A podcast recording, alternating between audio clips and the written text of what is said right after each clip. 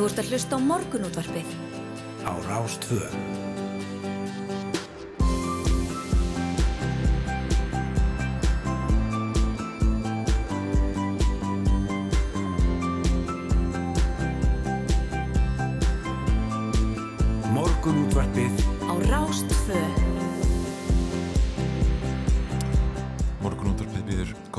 Mánudaginn 20. júni, klukkuna vantar tímyndir í sjö og það eru yngvar þóru og öllu gestóttir sem ætla að vera hérna með ykkur til klukkan nýju.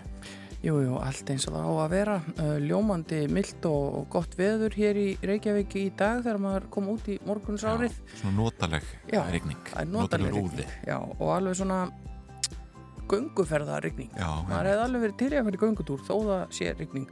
Það er bara svona mildur úði, mm, getur maður sagt, og, og uh, ósköp hugulegt. já, annað en í gær kannski getur Já, við sagt. það tók- alveg hérna, Það rýndi alveg hressilega á, á menn og máli sem Já. ekki í gær. Ég þurfti að hérna, þurka köttin minn frá toppiti táar þrísvar í gær. já, þeir Já, fara alltaf út. Já, hann, hann er bara, fer út í öllum veðrum, það er saman þó þessi bylur og, og, og, og allt á kafi snjó eða grenjandi rigning þetta er bara út í köttur Já, já, það er eins og það er, sumt er bara sum er ekki hægt að breyta þó maður myndi vilja kannski, já, já. en uh, fínasta veður núna og við förum nú betru við veðrið á eftir Já, en talandum að, að bleita sig þá er sundsaga Íslendinga eh, bæði löng og farsæl en undanfæri nár hafa sprottu upp luxus böð vítt og breytum landið. Nú alþjóðleiði baðdagurinn fyrir fram á miðugudaginn 22. júni en á þriðudag á morgun eru sumar sólstöður og svo er Jónsmessan á föstudag og að því eh, tilefni ætla vög baðs á austfjörðum að búa til sólarrings opnunar og við ætlum að spjalla við framkvöndastýru vög hana aðalheiði Ósk Guðmustóttur um baðdægin og þessa opnun hér í upphafið þáttar. Já, við uh, heyrum í henni svona kortir yfir sjö eða svo. Síðan brá ég mér út í umferðina um daginn og hitti þar fyrir Haldur Ingólfsson verktaka og Pálmann Þór Sæfarsson svæðistjóra hjá vegagerðinni sem hafðu ímislegt að segja um umferð, öryggi og hvernig stemmingin á vegum úti tengist gætnan ástandinu í samfélaginu. Og um, þeir voru líka svona að fara yfir uh, vitundavakningu sem vegagerðin stendur fyrir þessa dagana um öryggi vegavinnum fólks ætlum að heyra þetta strax eftir uh, fréttaöflit klukkan hálf átta. einmitt fullt tilumni til. En Emmanuel Macron og Fraklandsfórseti misti meiri hluta sinna á franska þingjunni í kostningu sem framfór í landinu í gær. Miðjubandalag fórsetans tapaði um 100 þingsætum en þjóðfylking Marie Le Pen bætti við sig í kostningunum og það var nýtt vinstri bandalag leitt af Jean-Luc Mélenchon næst stæst á eftir miðjubandalaginu. Og við ætlum að ræða niðurstöður kostningana, hverju þær breyt og af hverju þær skipta máli við Torfa Túlinius, professor í Háskóla Íslands og sérfræðing í málöfnum Fraklands. Já, svo er það Baldur. Hefur þú silt með Baldri? Ég hef aldrei sett með Valdri, Ekki ég heldur. sem er nú merkilegt. Já, það það er er kannski ágætt, bara hérna á, á þessum tímapunkti. Já, ég er ekki vissum ég myndi þóra þeir núna. Nei. Ferjan, eins og hann kom í fréttum um helgina þá bilaði ferjan núna í næstum 6 klukkustundir á lögudaginn rétt fyrir utan stikkisól með rúmlega 100 farþega einabors og þeir farþega voru nú ekkit sáttir þegar rætt var við á Nei, það var rætt þarna við Ísraelskan eh, ferðamann til að mynda sem, sem segða bara að það þarf einhver að fara að skoða þetta skip mm sem vissulega hefur verið gert. En við ætlum að ræða ástand Baldurs og tíðar bilanir við Sigurðinga Jóhansson innviðar á þeirra en sveitastjórnir Vesturbyðar og Tálnafjara segja stöðuna óbúðulega og að líf fólks sé lagt í hættu á skipinu. já, og svo ætlum við að heyra af, af forvitnulegu tilraunaverkefni sem nú er að, að fara í gang. Það eru dýrahjálp Íslands villikaninur og dýraþjónusta Reykjavíkur sem að standa baki þessu. En það er búið að veiða 62 kaninur í elleðardalnum og koma þeim í tímabundi skjól en markmiðið er að finna góð heimili fyrir öll þessi dýr og hún ætlar að koma til okkar. Hún Greta Sólei Siguradóttir verkefnastjóri og sjálfbóðaliði hjá dýrahjálpinni. Og uh, segja okkur meira af þessu. Hvernig eh, kom þetta til og hvernig verður þetta útvært Já, og af hverju er betra að bjarga kaninun þurfa þeir að láta bjarga sér? Já, heimitt. Og síðan endur við eh, þáttin á því að fara yfir helstu tíðindi af íþróttum helgarinnar. Það er Gunnar Birgisson Já. sem ætlar að kíkja okkar í þetta skiptið. hann kemur hérna svona kortur í nýju eða svo. Já, já lítið aðeins á, á vefmiðlana og eh, já, fórsviðin morgunblasins sem ég held hér á. Eh, hér á fórsviðinni eh, er til að mynda eh, rætt um já, bitcoin og rafmyndir og rætt hér við já, kjartan Ragnars stjórnarmann og regluvörð hjá myndkaupum sem hefur nú til að mynda komið hinga til okkar. Eh, Bitcoin hefur lækkað um 70% frá topnum en hann segir að grundvöllurinn fyrir þessari rafmynd sé algjörlega jafnsterkur áður. Auðvitað er leiðilegt að það sé mikil sársöki á mörgum þá ekki bara við rafmynda markað, segir hann hér á fórsöðu morgublasins. Eh, ég segi nú samt að fyrir þá sem halda sér greiðslu færum í gegnum svona þá er auðvitað mikil tækifæri sem myndast við svona aðstæður, segir eh, Ragnar. Þetta er hérna, já já, eh, það er einhvern veginn þannig að, að eigna markaðir allir er að, er að lakja verði Já. og eh, já það er eins og, eins og það er en eh, Bitcoin lakka gríðarlega núna eh, á undarförnum mánuðum. Það er líka rætt hérna eh, við Ragnar Frey Ingvarsson, formann að læknafélags Reykjavíkur Hann segir að fjöldi tilhæfurlausara bakreikninga fyrir komum sjúklingam sem skráður eru hjá engareknum hilsugjæslum í blóðpröfu á hilsugjæslins ofinbera Mm. hlaupa líkla á tugum þúsunda. Það segir þetta hérna í samtalið morgunblæðið og að kjósi sjúklingur á engareikinu stöð að færi blóðpröfu á hilsugjæslustöð hins ofinbera þessum starfsmenn landsbítalans mannast blóðtöku en ekki hjúknarfræðingur eða læknir á vegum hilsugjæslunar skráist það sem koma á hilsugjæsluna og þetta segir Ragnar ekki í samræmi við veitta þjónustu en það komið starfsfólk heilsugjæslunar ekki aðinni. Já.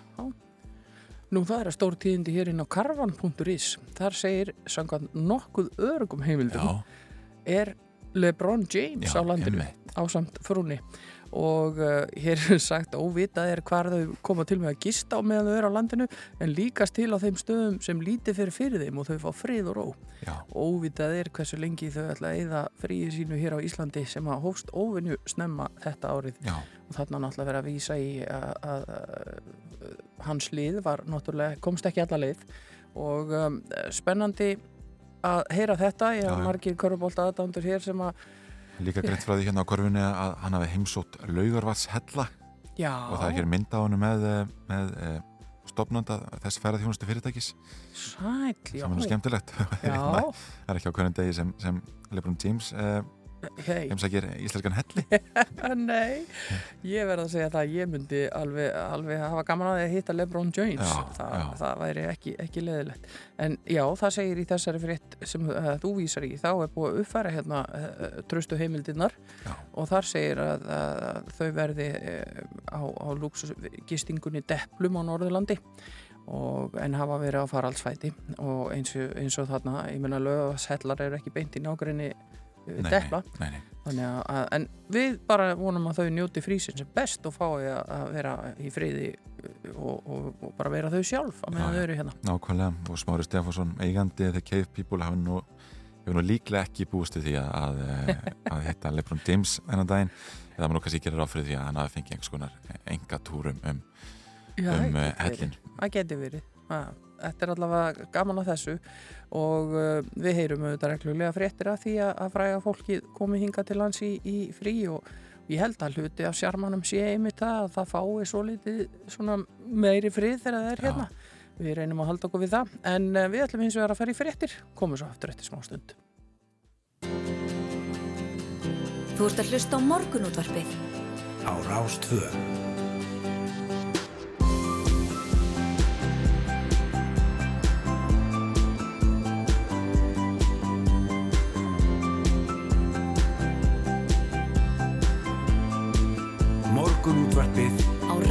Rástfö.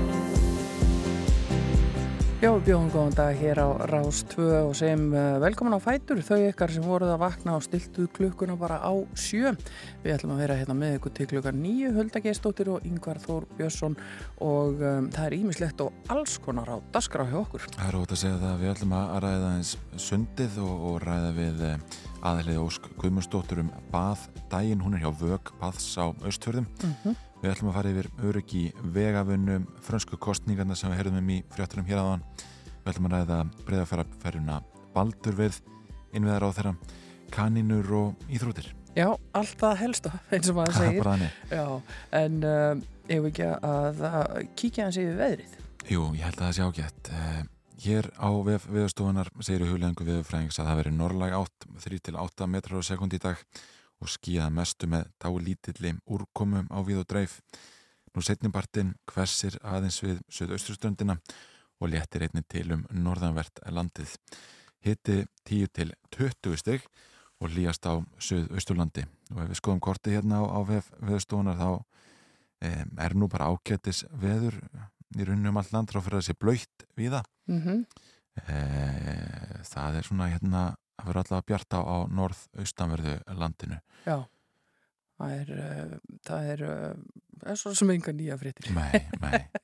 En á, já, já, á Suðausturlandi þar, þar ætti hittin að ná alveg upp í 20 steg eins og eins og saði þarna í, í huglengu viðfrængs. Já, þetta er gaman. Uh, einfaldar fréttir af vega vegagerðarinnar. Það segir bara engar tilkynningar um færð og ástand vega er á gildi. Já, ok. Og bara vísaði í kortin það er sjálf sér ekkit að færð að frétta Nei. núna en, en við höfum stundu verið svona að fara yfir uh, framkvæmda fréttir og annað og um, það er reyndar þegar ég sagði þetta og uh, uppfæriði síðuna þá datt hérna inn fullt það er aðalega vegafrænkvæmdir uh, og kannski bara full mikið að lesa þetta allt upp hérna um allt land og ég ætla bara að vísa til þess að, að fólk kíkja á þetta. En uh, það er samt þó rétt að nefna vegna umferða þunga að uh, í dag er stemt á að fræsa og malbygga báðar akreinar til austus og Reykjanesbraut við Kvassarhönn Þar verður vegurinn þrengdur í eina akrein og hjáleið mert og hámarsraði lækkaður og þetta byrjaði sem sagt klukkan 6 í morgun og verður í gangi til klukkan 5 í dag.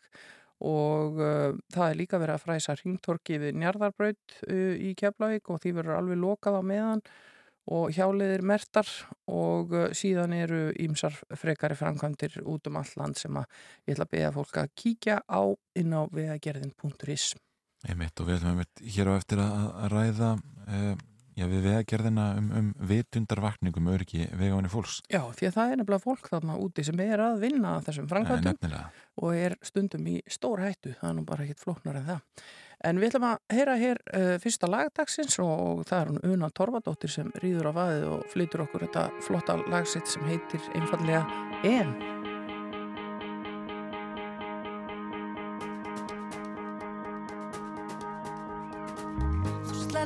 Þráðinn seint á kvöldin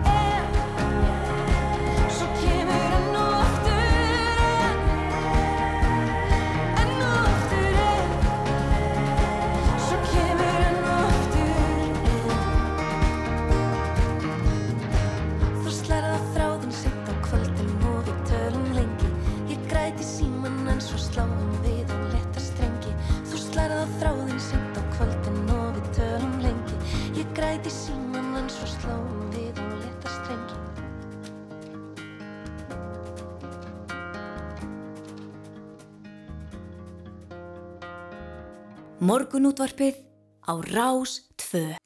Já, uh, þetta er auðvitað morgun útarfið. Það er hár rétt, þetta var Nuna Torfa sem að opnaði tónlistarreikningin hjá okkur í dag og við erum búin að vera að glukka hér í miðlana og, og forvittnast og sáum hér fréttir á, á vísi af farangurs fjalli á Hýþráflugulli. Já, heldur betur, það þarf að aflýsa 90 flugfærum frá Hýþráflugulli í dag Vá! vegna ófremdar ásands í farangurs meðhöndlun og reysastór farangurs fjöll hafa myndast af vellinu vegna ásandsins sem hefur staðið yfir síðan á föstudag.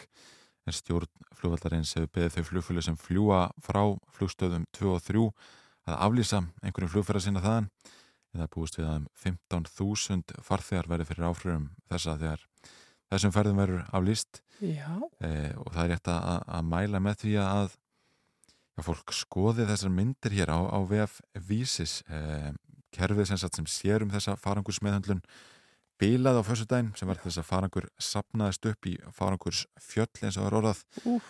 og það liti til mikill að raskan á starfsemi flugvallarins og þurftu margir farþegar að býða tímum saman e, fyrir er staðan slæm á Mm. flugvallunum mm Mhm. mikil mann ekla já, og uh, miklar tafir einhvern veginn viðsvegar um Evrópu og í bandaríkunum þegar maður heyrt Það er um að gera eh, fyrir ykkur sem eru higgið á ferðalöga að vera mjög tímalega. Já. Ég er sjálf búin að fara um uh, nokkra flugulli nýlega í Evrópu og, og það eru langar byrjaðir í öryggisleitina og, og þetta gengur hægt en um, geris, þetta er allt í góðu en maður er bara mjög, mjög tímalega. En við vorum að tala um það áðan að Lebron James væri hér á Íslandi og, og hann hefði farið í heimsókn í lögavasella en uh, við erum fengum ábendingum það að hann hefði líka sérst til hans og, og þeirra á Akureyri. Já, Þannig að þau eru vantalega að mjaka sér í áttina að deplum ef þau eru ekki komið þangað.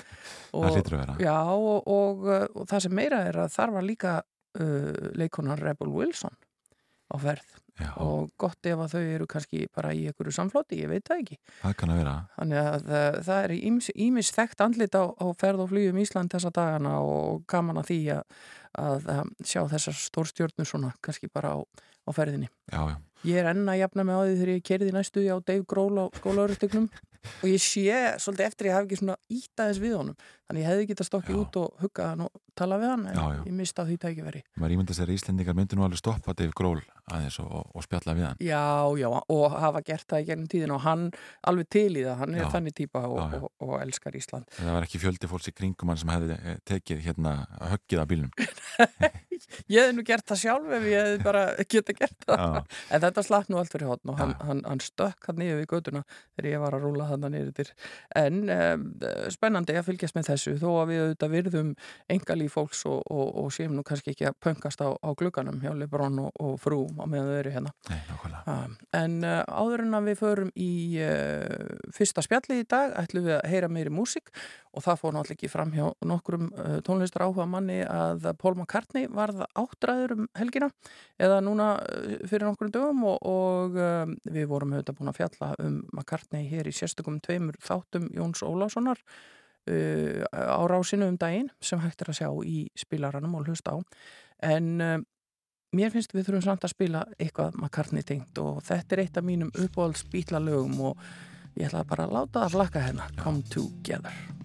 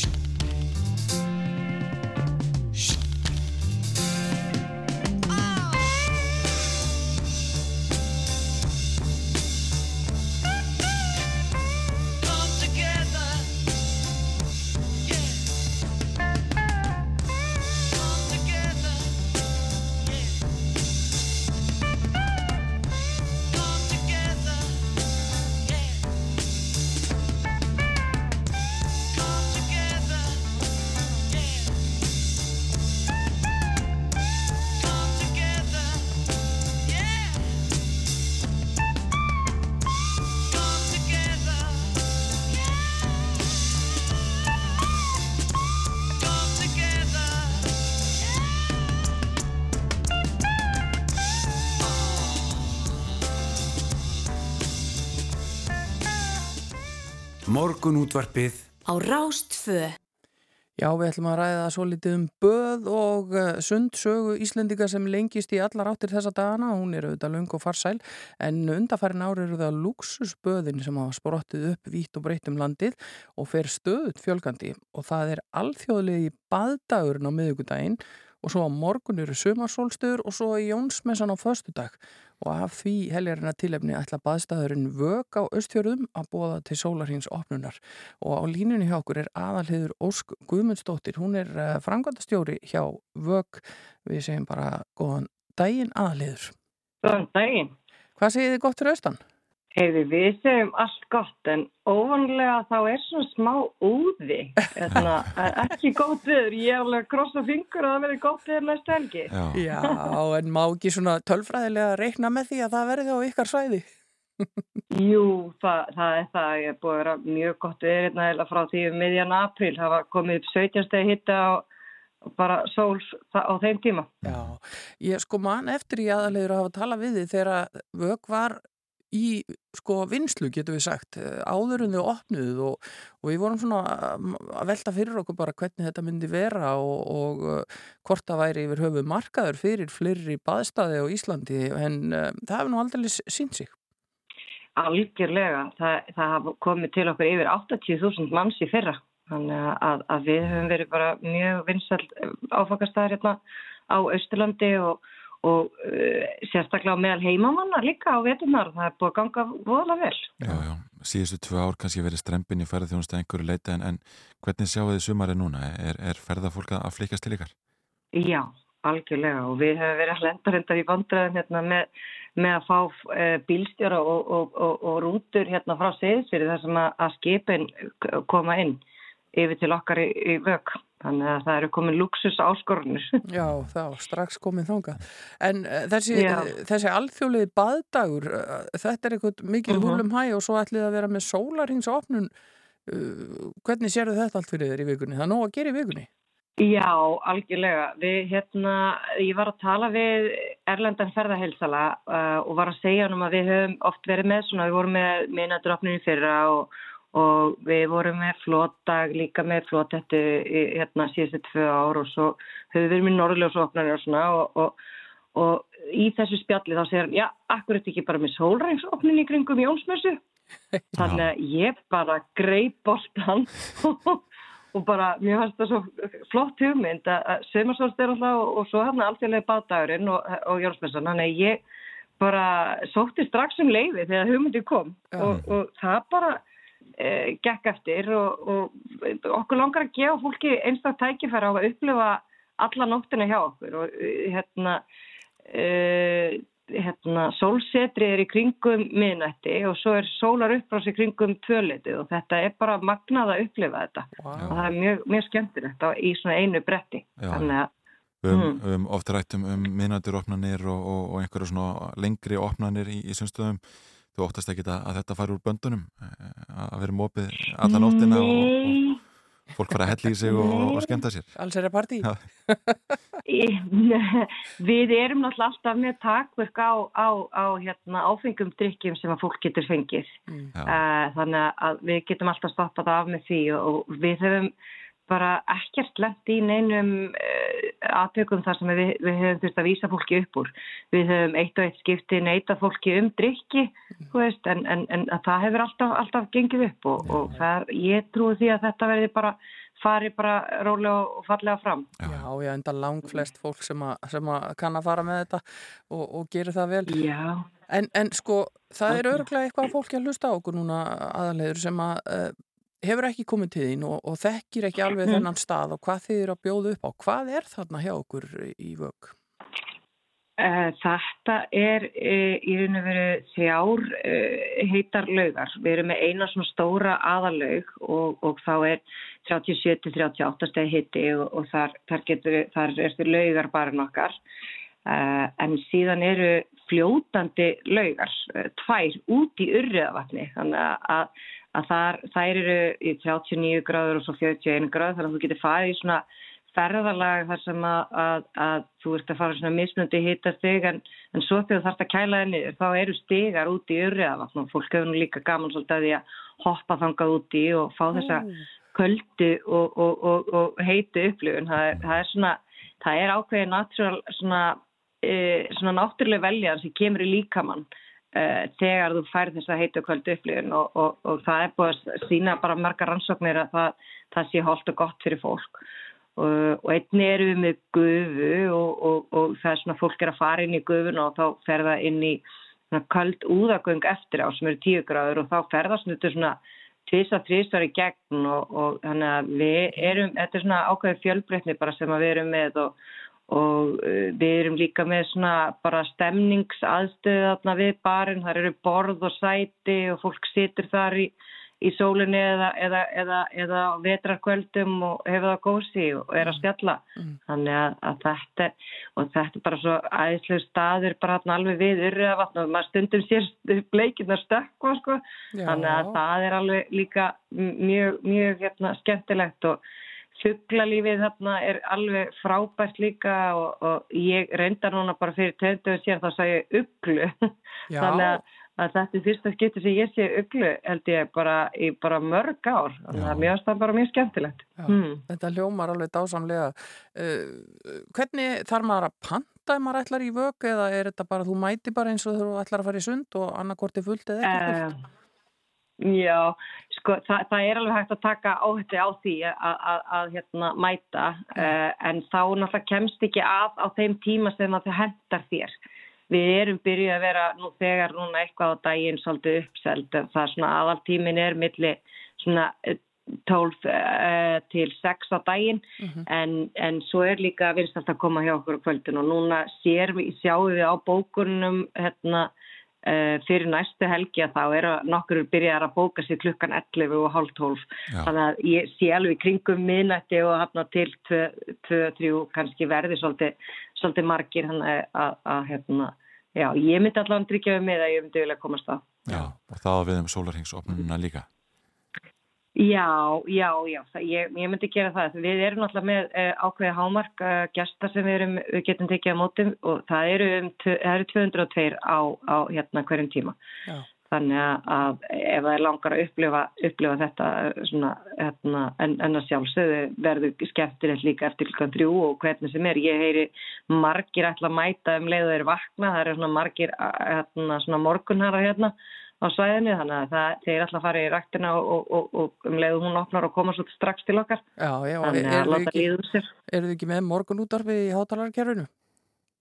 Heyrðu við þú, ég er bara ekki frá því ég muni skella því á. Við, við erum alltaf með hérna, eh, sem sagt, eh, hérna, hátalara og, og við erum alltaf með ljúfa tóna á, á, á spilarunum og, og einmitt í, á alþjóðlega deginum, alþjóðlega baðdeginum, að þá eru viðbörðir út um allt eh, svona, hérna, með lifandi tónlist. Eh, þannig að það, já, og það er svona þemað í ár í, á alþjóðlega deginum er, er healing together eða svona eh, heilumst saman með vatninu. Þannig að, að það er svona viðjandi kannski bara að allir sé að, koma tilbaka úr, úr þessu ástandi sem hefur verið bara síðan ár og, og, og er að heila saman og koma saman og njóta og, og, þannig að þeir, þeir, þeir trú á lækningar mátt vatsins líka. já.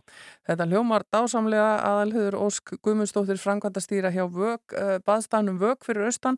Takk fyrir spjallið í morgunúttarpinu og, og njótið vikunar eh, í vög og, og, og á alþjóðlega baðdeginum sem framfer á miðugudag. Nóum að vera og, og um að gera að bóka fyrirfram, er það ekki? Já, jú, Takk. glæslegt, takk fyrir. Takk kjærlega fyrir spjallið. Já, og við förum að sjálfsögðu í Hafdísi Huld sem ætlar að syngja um uh, Synchronized Swimmers. Þetta er viðæðandi. like synchronized swimmers in an ocean of sounds. We're only beginners, still looking around. It's a little bit deafening how my inner voice is What a lovely mess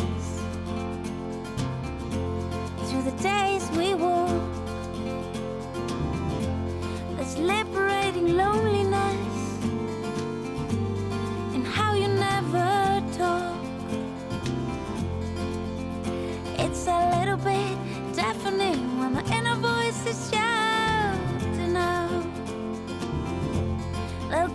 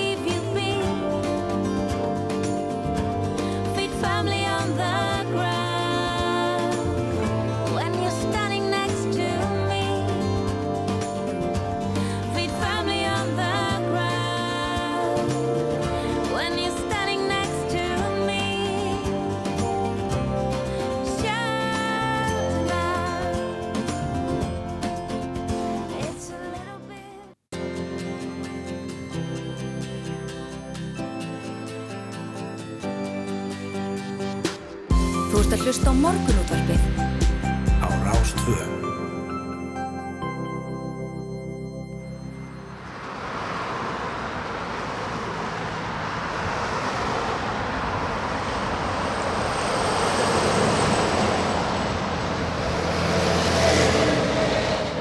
Við erum stödd hér við Reykjanesbrautina, það eru framkvæmdur í gangi að vera að lengja hér aðreinin á bústaðaveg og hér er mikil umferð alla daga og ég náði að hitta hérna Haldur Ingólfsson sem er verktaki á svæðinu.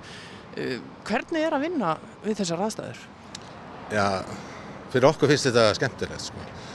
Við upplifum það að við séum að bæta samfélagið og við finnum fyrir hraðarum í umfyririnu og við finnum fyrir kraftunum og þegar við erum að búa til rampa þá erum við að gera betri umfyrðaflæði í umfyririnu. Og það er okkar vinna alla daga, það er að gera veitulagnir og allt þetta betra þannig að samfélagið virkir sem best. En upplýði einhvern tíman einhvern óta eða svona, er óþægilegt að vera í svona mikilvæg nálað við umferðina?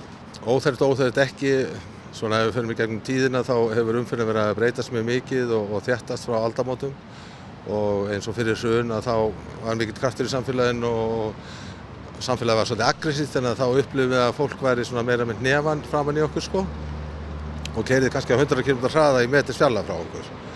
Síðan hérna kom hrunið, þá datt svona allur kraftur úr fólki og umferðarhraðin fór niður svo 20-30 og allir brostu.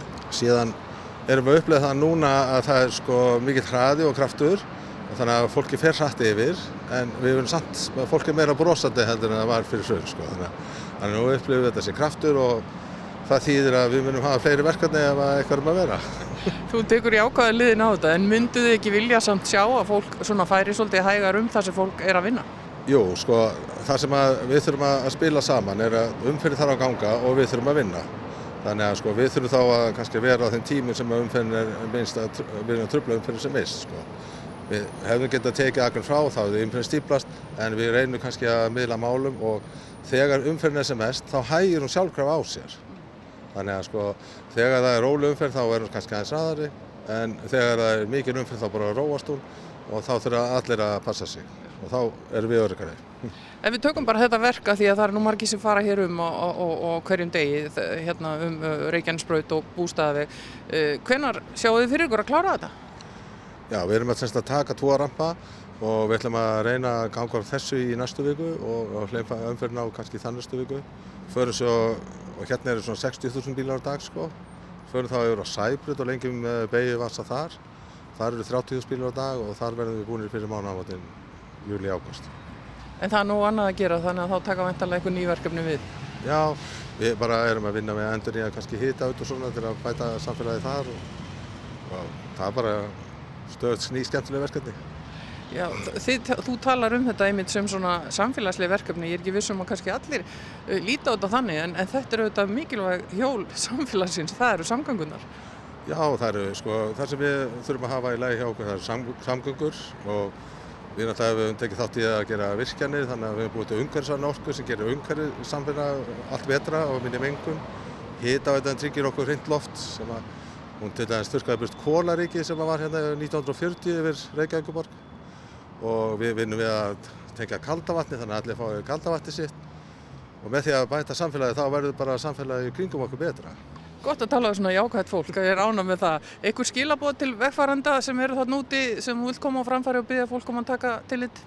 Já, ég myndi segja að, hérna, að þarna er pappi líka að vinna eins og þú ert pappi sjálfur. Að, að, ef að það kemur eitthvað fyrir þá er eitthvað sem að, hérna, á erfitt, skilur.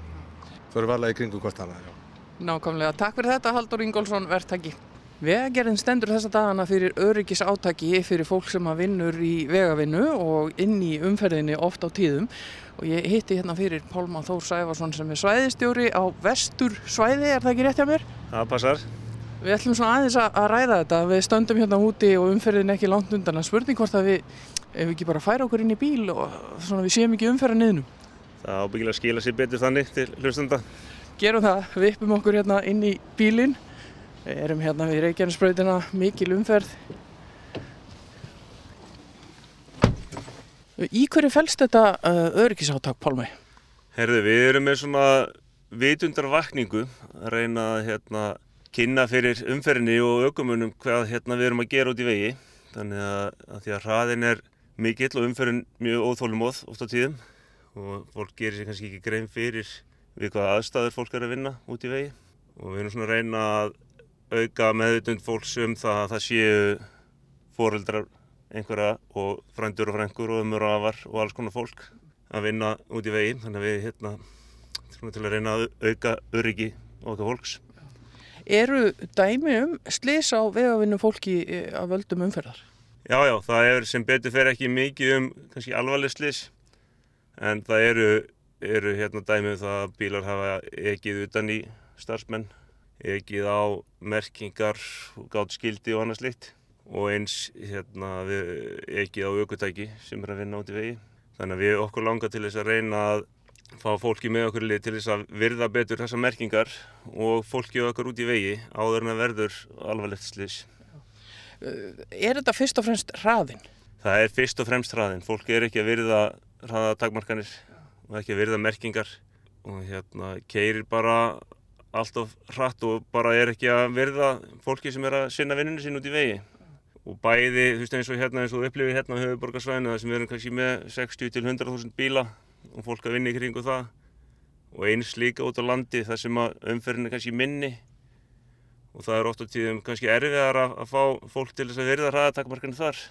Að, hérna, það keiri kannski það er kannski búið að taka hraða niður í 50 eða jafnvel 30 og svo keiri bílið bara á full force að það er enginn að koma á móti. Og þá er kannski bara keirt á 90-100 gegnum, gegnum vinnusvæði og það er ekkert rosalega þægilegt til dæmis að vera að sjóða í ristahlið og svo kemur örflutningabíl á 90 og keirir yfir hinnum megin sko, bara rétt við hausina þér. Nei, ég trúi því alveg, enda ég þorði ekki að fara hérna alveg inn í hjarta vinnusvæðisins hérna, þetta er, ég allavega fyrir leikmann finnst mann þetta oft lítið út fyrir að vera stórhættulegt. Þetta er það í raun og veru. Það er hérna, eins og þú sér náttúrulega bara umferðin er hröð, mikil umferð og svo bara eins og þetta er orðið í dag, það er mjög fjölbreytt hérna flóra af aukumönnum og blessaður símin oft á tíðum og lofti þannig að það þarf ekkert mikið að klikka til þess að það verði stórslís þannig að, að það er náttúrulega eitt átæki sem það þarf að fara í. En það sem við erum að reyna vekja aðtekli á núna vekja aðtekli fólks á því að veist, fólk er að reyna að laga vegina til þess að þeir séu betri og til þess að umferðin gangi greiða fyrir sig og til þess að það sé svona betur unnið og fólki líði betur í vinnunni að þá er mikilvægt að, að hérna, fólk verið þessar merkingar og hægja á sér og gefi sér, veist, þetta er nöðult ekki nema ein, tvær mínútur sem að það skipti máli sko. Þannig að þetta er ekki eins og þetta sé make or break fyrir fólk oft á tíðum En hvað er vegagerðin sjálf að gera svona til þess að bæta örgið í, í vegavinnu framkvæmdu? Hvað þurfu þið að passa þegar þið farið út að vinna? Sko við erum náttúrulega sífælt að eh, ho- horfa í okkar verklag. Við höfum verið að auka við merkingar, við höfum verið að bæta við vörnum, bæði svona árastur vörnum og eins árastur púðum svoleiðis í okkur. Og þurfum að gera betur í því að fjölga þeim og svo erum við að fara bara yfir okkar verklag, þú veist að við séum að fylgjast með umferðinu, við séum að merkja rétt, við séum að við gera áhættum að hérna, hvaða varnir við þurfum að vera með. Og við höfum verið bara undanfærin ár alltaf að taka skref fram á við í þessum málum bæði auknum merkingum, auknum örgiskröfum á okkar fólk og auknum kröfum á verktaka. Og mér finnst svona veist, menningin í verktakabransanum og svona frangatabransanum vera breytast hægt og rólega. Við erum, við erum til dæmis svolítið eftir ennþá hinum Norrlanda þjóðanum í þessum málum. En ég held að við séum að stefna í rétt átt og það er svona meiri vakning og ég held að það sé mikilvægt að, að hérna, við gerum allt sem við getum til þess að passa að koma allir heilir heim. Það er auðvitað líkiladrið í þessu öllu saman og, og uh, við hvetjum fólk til þess að, að hafa þetta í huga. Uh, það eru mömmur og pappar og frændur og frængur og alls konar fólk að vinna á vegum úti og ef eitthvað kemur fyrir þau þá uh, snertir það auðvitað ótal marga og ekkert okkar vil bera ábyrð á því og það er þá fyrst og fremst að draga úr hraða og fylgjast með merkingum. Nákvæmlega, þetta er bara akkurat það sem við viljum vekja aðtikla á. Takk fyrir spjallið, Pálmi Þór Sæfarsson, svæðistjóri hjá vegagerðinni. Takk fyrir.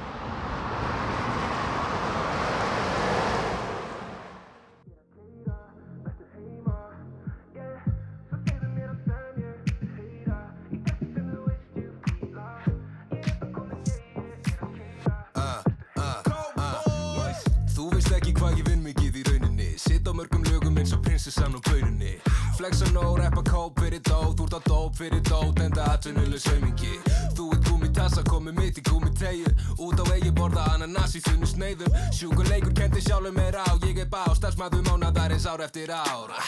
Kastu verkjum þekktu sér með púlað upp í þessu. Veltan gerir það að verkum veit hver hérna bestur Lífið er sjóður og tvö, fokk ég nega leifi Veit að ég er engin þögg, eins hann gengi gengi. Segja herra sig ekki nóga mikill listamæður Finnum í fyrsta sæti á einhverjum listamæður Þeir aldeilis flottir á villigutum Þeir gætu ekki borga tollir á mínum fötum. Ha. Sinni mér, sinni og síni þeim. Hörgu helgin, ég tók miðlu heim. Ég er down ef að þú ert game. Svo segðu mér. Sinna mér, og síni þeim. Hörgu helgin, ég tók miðlu heim. Ég er down ef að þú ert game. Svo segðu mér. Svo segðu mér að sem ég vil heyra. Í þessu sem þú veist ég fíla. Ég er rétt að komin ég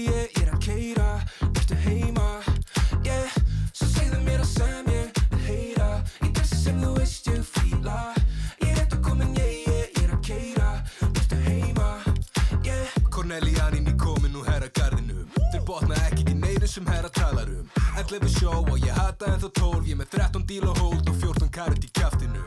Takið eftir ég er á toppum þeir eru svolítið búnir. Talum tölu borga brúsa nýr í borgatúni. Penningu fór út en hann kom aftur inn.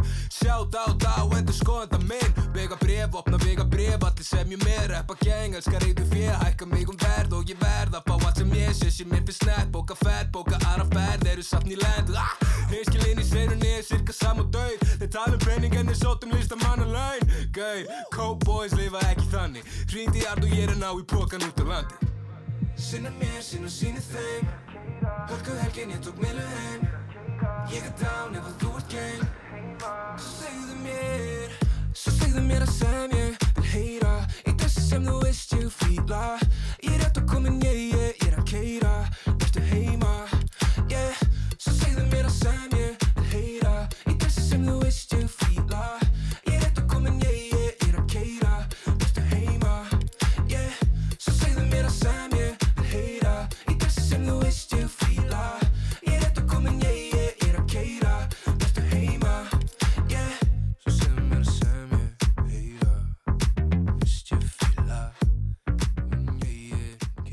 Þú ert að hlusta á morgunútvarpið. á Rástvö.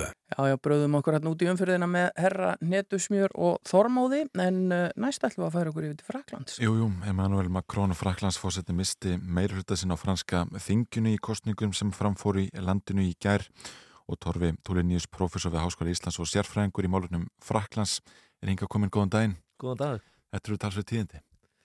Já, ég, svona, mér finnst þetta að vera svolítið pólitískur jarðskjálti. Þetta er í fyrsta sinn sem sitjandi, eða nýkjörinn fórseti, fær ekki meiri hluta þingsins að bakvið sig í, í kostningum. Uh, hann er að setja missa meiri hluta. Uh, frakkar veit ekki alveg svona hvernig eru að snúa sér í þessu, hvernig verður landinu þá stjórnað næstu fimm árin. Um, það eru mörg tíðindi í þessu, það er að hægra, set, hægri öfgaflokkurinn eh, frá eh, Rassemblement National undir fórustu Marine Le Pen sem laut í læra haldi fyrir, fyrir, hérna, fyrir Macron í eh, fórsetakostningunum eh, þessi flokk, eh, hún er allir komið með 90 manna þingflokk sem er náttúrulega langt frá því að vera meiri hluti en mjög stór, sögulega mjög stór þingflokkur. Og uh, það má alveg færa rauk fyrir því að þetta verði stærsti set, he, heildstæði þingflokkurinn í stjórnaranstöðu vegna þess að vinstrabandalagið sem náði 100, og tæp- rúmlega 140 þingmönnum þeim er þá bandalagið sjálfu sér er starra heldur en, heldur en hægri öfga bandalagflokkurinn það er sett saman úr, uh, úr fleiri flokkum. Þannig að um, það má segja að hægri populistar eru orðnir stærsti stjórnaranstöðuflokkurinn á franska þinginu. Já, og það eru stórtíðindi. Já, já. en kannski eru síðan uh, önnur tíðindi eru þau að innan við helmingur frakka fór á kjör, mætt á kjörstað og það þýðir að frakkar eru orðnir svona kannski hafa ekki mikla trú á hennu líðræðislega ferli. Uh, kannski eru líka komin kostningaþreita í þá, þetta eru þá fjóra af því að það er alltaf kosið í tveimur umferðum. Fyrst komið fórsetakostningar í apríl. Tvær, það þarf að fara tvisar á kjörstað fyrir þær. Og svo núna aftur tvær umferðir í þingkostningunum þeir eru bara orðnir kannski leiður á þessu. Það er erfitt að halda aðteglinni uh, svona lengi. En kannski líka er þeir hættir að uh, svona uh, sýnir þetta ákveðna vantrú á hið pólitíska ferli og það er náttúrulega mjög alvarlegt. Og, og þannig að það er hægt við því að næstu fimm árin verði svona svolítið glundróðakent það verði erfitt að koma nokkru í gegnum þingið og um, eh, vandi að sjá hvernig Macron á að snúa sig í þessu reyndar er einn kostur sem er mjög augljós uh, sem að blasir við þegar maður skoðar þingmannafjöldan núna. Það er að uh, þessi sagt, stóri þingflokkur Macron sem er hvað með 240 sirka þingmenn hann getur myndað bandalag með þingflokk gólista. Mhm, sem er sagt, eh, gamli hægri flokkurinn sem að galt afhróð í fórsetakostningunum en uh, nær núna uh, að vissu marki vopnum sínum er, er þannig með 60 manna þingflokk. Þeir gætu sagt, mynda meiri hluta, makronistar og þessi hefðbunni hægri flokkur en uh, fórustumæður þessa gólista er búin að segja að hann vil ekki fara í meiri hluta samstarf. Já, þannig að þetta er kannski ekki líkleg samsöða. Já, þetta er, þannig að þetta verða, þetta verða svona ansi spennandi dagar framundan en, en þetta væri svona hinn augljósi kostur. Vandin er sá að frakkar eru raun og vera að vakna upp í það að þetta er þingræði, Já. það þarf þingið til að stýra landinu.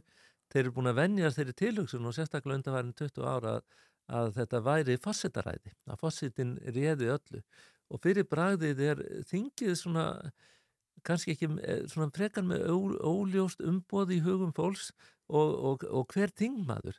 Þannig að uh, það er ekkit víst að gólistar vilji fara út í að uh, svona í raun og veru að leggja nafnsitt við uh, pólitík Macron nema þá að þeir taki algjörlega yfir og uh, það og, en, en þá er Macron kannski orðin svolítið valdalaus fósiti Mm. Við sem að fylgið er annars verið Ja, að fara áhrifalaus kannski rétt já, að sagt, já. já. En fylgið er annars verið að fara á vinstri bandalag meðal Sjóns og, og síðan til hægri í þjóðfylkinguna þar sem Le Pen er sko, af hverju eru, eru frakkar að, að einhver leita hafna Macron og, og, og um hvað verið að kjósa í rauninni?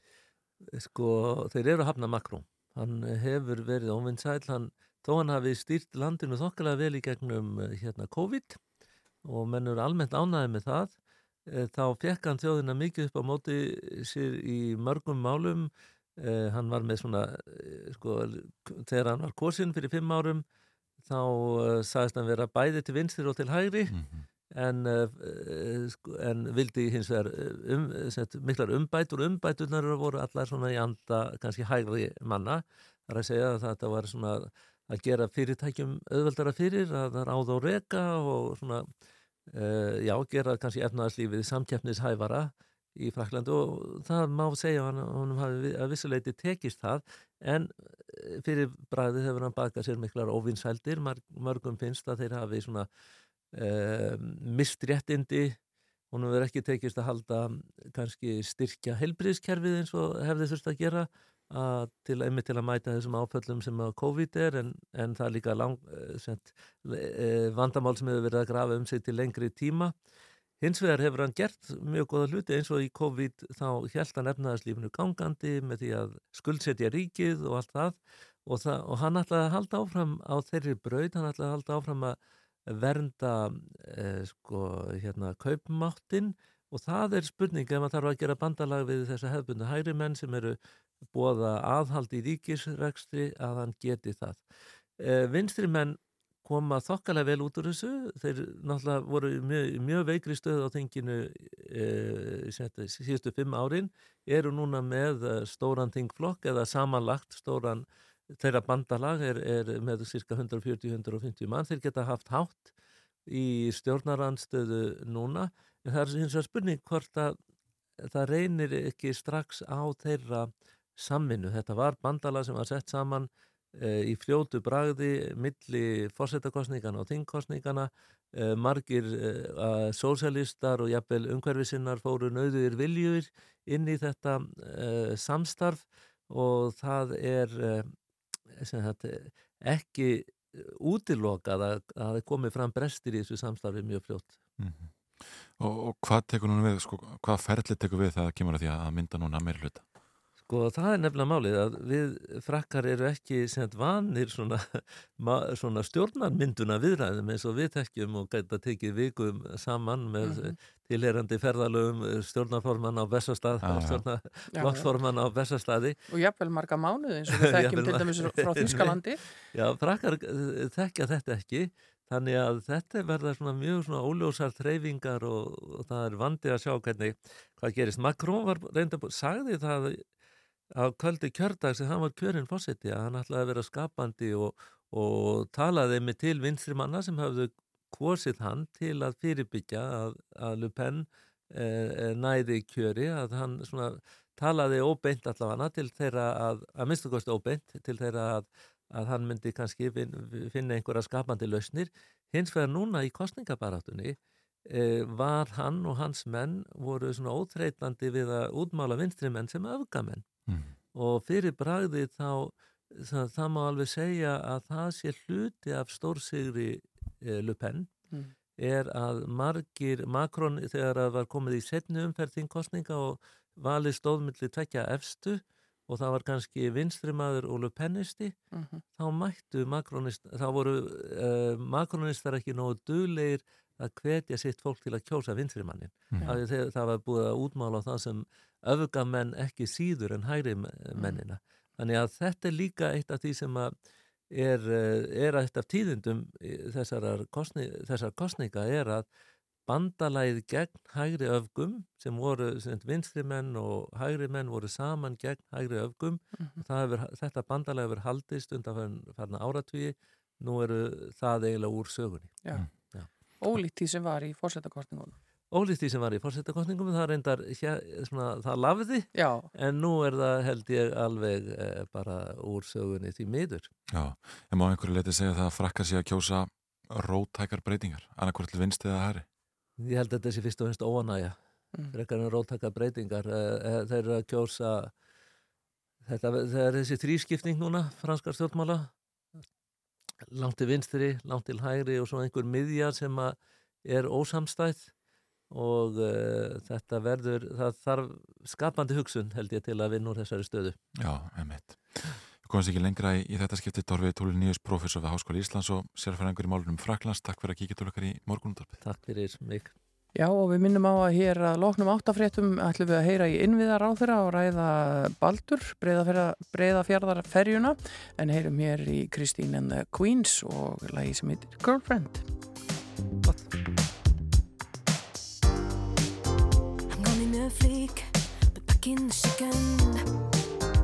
Distorted skin, rush for no reason. Boys are loading their arms, girl gasping for envy. F-f-f-boom, and they mimicking endlessly. Same as sadness small lumps on my jaw. For lusting after is the usual fiction. May your girl come, birdie die under the spell. Fingers and listen, come touch your girl then girlfriend. Don't feel like a girlfriend,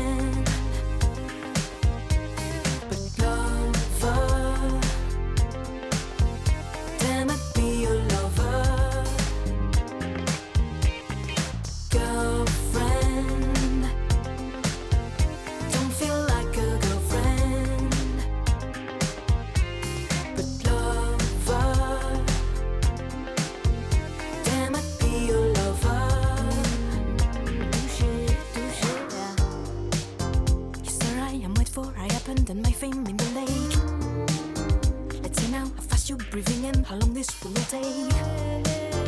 Cause you used to pass by me, feel they are baffling a liar. What, what is you? You didn't even taste much better.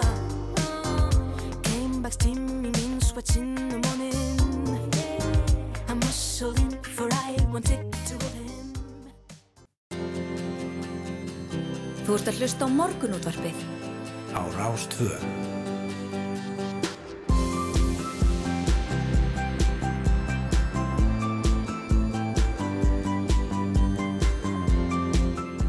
Já, við höldum áfram hér í morgun útarpinu margt uh, skemmtilegt framundan hjá okkur og uh, við ætlum meðal annars að forvitnast um nýtt tilraunaverkefni þar sem að er búið að veiða kanínur í elli á dalum í tögatali og að reyna að finna þeim uh, framtíðar heimili sem að hendar betur og fáum hér fulltrú úr þessu verkefni uh, klukkan hálf nýju strax eftir frétta yfirlit og svo ætla Gunni Birgis að fara yfir sportið með okkur en uh, við ætlum næst að bregða okkur út á sjó, getur við sagt Jú, jú, breyða fyrir að fjárða, breyða fjárðar ferjan baldur að það að segja.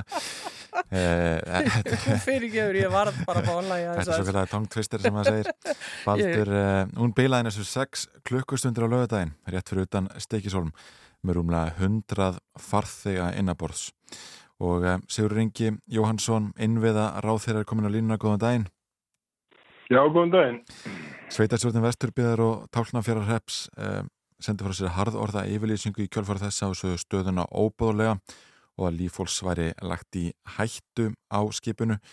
Uh, eru stjórnvölda að leggja lífólks í hættu með aðgerralesi í þessum efnum? Nei, það er auðvitað ekki svo og hérna, það hefur svo verið til umfjöldunar að ferjan er barnsins tíma og, og stendst ekki þær kröfur sem við setjum í dag. Og ekstra ræðilinn sem að á og rekur baldur er eimskip og uh, þeirra samlingstímin og renna út og við höfum verið að leita að öðru skipi það stóð í raundar sko þannig til að, að þegar það væri búið að gera vegina á Suðifjörðunum sem ennum verið að vinna í fyrir 10 miljardar að þegar það væri búið að gera þá hérna svona nútímalega þá, þá var það plan að leggja af þessa ferðarsiglingar en, en e, við fórum í það núna fyrir nokkrum árum að, að kortleggja það upp á nýtt og teljum það ekki vænlegan kost til þess að, til þess að við halda nægilega öflugum samgöngum á þessu svæði. Þannig að það er, hefur verið stefna ríkisins að endur nýja þetta skip. Um, og uh, vegna, vegna tíðrabilana og ástandsins á þessu skipi að þá, þá hérna höfum við og ég vona resturðaðli líka að verið að leita einfallega skipi sem að geta komið í staðinn til leigu eða kaups og það hefur bara einfallega ekki fundist. Þannig að Valkosturinn er að byggja nýtt skip sem við getum þá náðu í leiðinni öðrum markmiðum okkar eins og uppfylla orkuskipti. En það tekur vissilega tíma og þess vegna hefur verið tekin ákvörðun að, Herjólfur gamli, Herjólfur þriði getur við kallaðar að hann muni sigla hafa næsta haust. En til þess þá þarf að breyta bæði höfnunum eða landeikjarum bæði í Stíkisólmi og, og Brjánslæk og það verður gert á, á næstu mánuðum og hérna fram á næsta ár. Já, en nú er sömarið framöndan. Þannig, að menn eru vissulega sko hérna að vera meðvitaður um að þessi vandi er hérna fyrir hendi og því miður hefur þetta skip bilað í tíma og ótíma. Já, en eins og ég sagði þá, þá er sömarið framöndan og þá er nú mikil umferð og, og fólk á ferðinni vestur og, og söður til þess að, já, bæði í sömafrí og annað. Eitthvað þarf að gera strax. Hver eru fyrstu viðbröð? Hvað er þetta að gera núna á meðan að beðið er eftir að herjólfur komi? Jú, það er sem sagt fyrst og fremst er þetta hægt að reyna að knýja á um það að þetta skip sé ekki með þessum hætti að það bili í tíma og tíma og ég held að ef við sumari svona kannski hérna eh, kannski minni hætta á tíma þar hefur við meira áhugur af vetrunum og ég veit að við að gera meiri samtali við, við eimskip um það. Valkostinir eru þetta ekkert mjög margir eða það er ekki til neitt annað skip til þess að sigla á þessu farvatni. Þá verður við að finna þær leiðir sem eru færar og það er það sem er verið að gera og reyna að flýta því sem að hægt er. Þeir eru búin að leita nýju skipi í eitt og hálft ár. Er bara hvergi skipað að finna hann einstæðar í heiminum? Ekki sem siglir á, á hérna, með hafðarniskiptinni á, á þessum hafsvæðum þá hefum það ekki fundist hvorki til eigunni í sölu. Nei, einmitt. En staðan að Baldur hefur verið slæmi eitthvað tíma, sko hefði mótt byrja þá leit fyrr og bregðast bara við þessari stöðu fyrr?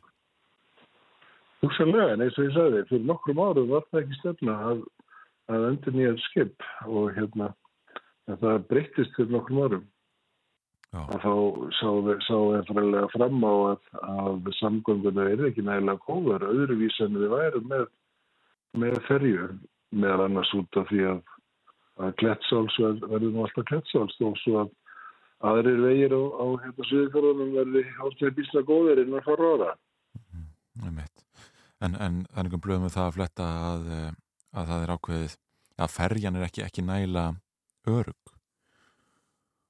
Hún er enga veginn nægilega góð og hérna, hún er sannlega bara með eina vél og, og hérna, hefur því miður verið að bila eitt og annað, mér skildist nú að það hefur verið eitthvað annað sem bilaði á, á lögadaginn, en það er þetta óþálandi og við hljóttum að gera þá kröfu á rekstra ræðlan og eigandi skipsins að, að reyna að sinna því eins og hægt er, en auðvitað geta líka komið upp óvæntar bilanir líka á nýjum hlutum. Já, en nú kemur Herjólfur þriði uh, inn í spilið í haust vonandi og, og hann er nú ekki dunglamp heldur. Hvenar gætu Íslendikar átt vona því að þarna fari bara glæni í ferja um? Já, það tekur svona nokkur ár að, að smíða þetta svona ferli sem hefur, já, eins og Herjólfur fjörði, það tók og býst það mörg ár en það er óþarf að gera það. Við, vitum nokkuð hvað, við, hvað það er sem þarf til og, og hérna getum gert alveg tekið þær ákvarðin okkur rætt en Herjólfur þriði er þetta ágætt skip á þessu svæði þó hann sé, sé hérna uh, komin eitthvað til ára sinna. Það, það blasir við að það er að bregðast einhvern veginn við þeim vanda sem stæðir að, að vestfyrðingum vegna takmarkana á þessari ferju en, en þetta er svo sem ekki einu umbætunar sem, sem vestfyrðingar hafa verið að berjast uh, fyrir. Ha, hafa vestfyrðingar setið eftir það kemur að innviða uppbyggingu? Ég held að það sé engi spurning að hér á árum áður sáttu þeir eftir en við erum núna búin að vera á síðustu árum með 10 miljardar í framkvæmdum. Dýrkvæðagöngin, Tinnjandi segði, Sjöfjörðina.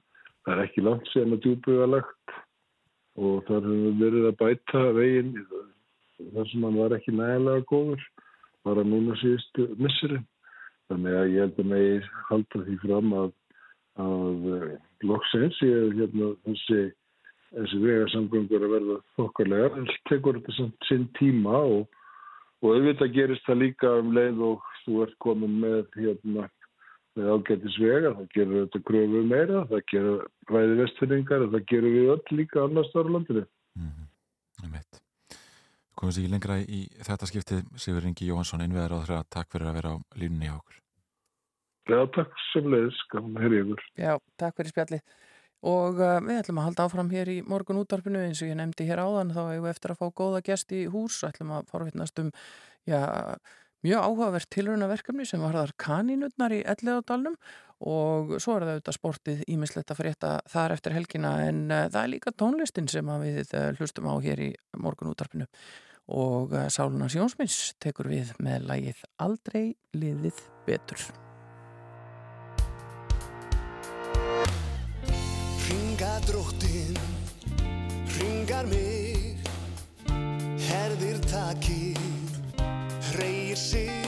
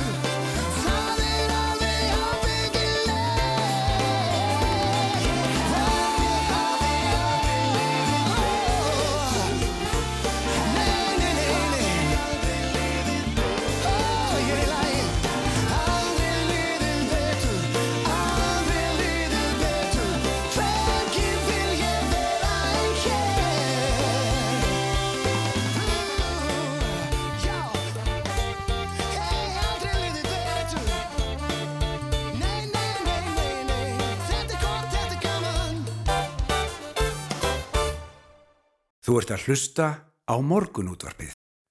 Jú, jú, þetta var Sálunas Jónsmís auðvitað með Stefán Hilmarsson í broti fylkingar aldrei liði betur og þá vonandi bara um sem flest ykkar þarna úti í dag að þið eigi ekki góðan dag og séu að fara brött og bjarsín inn í vikuna.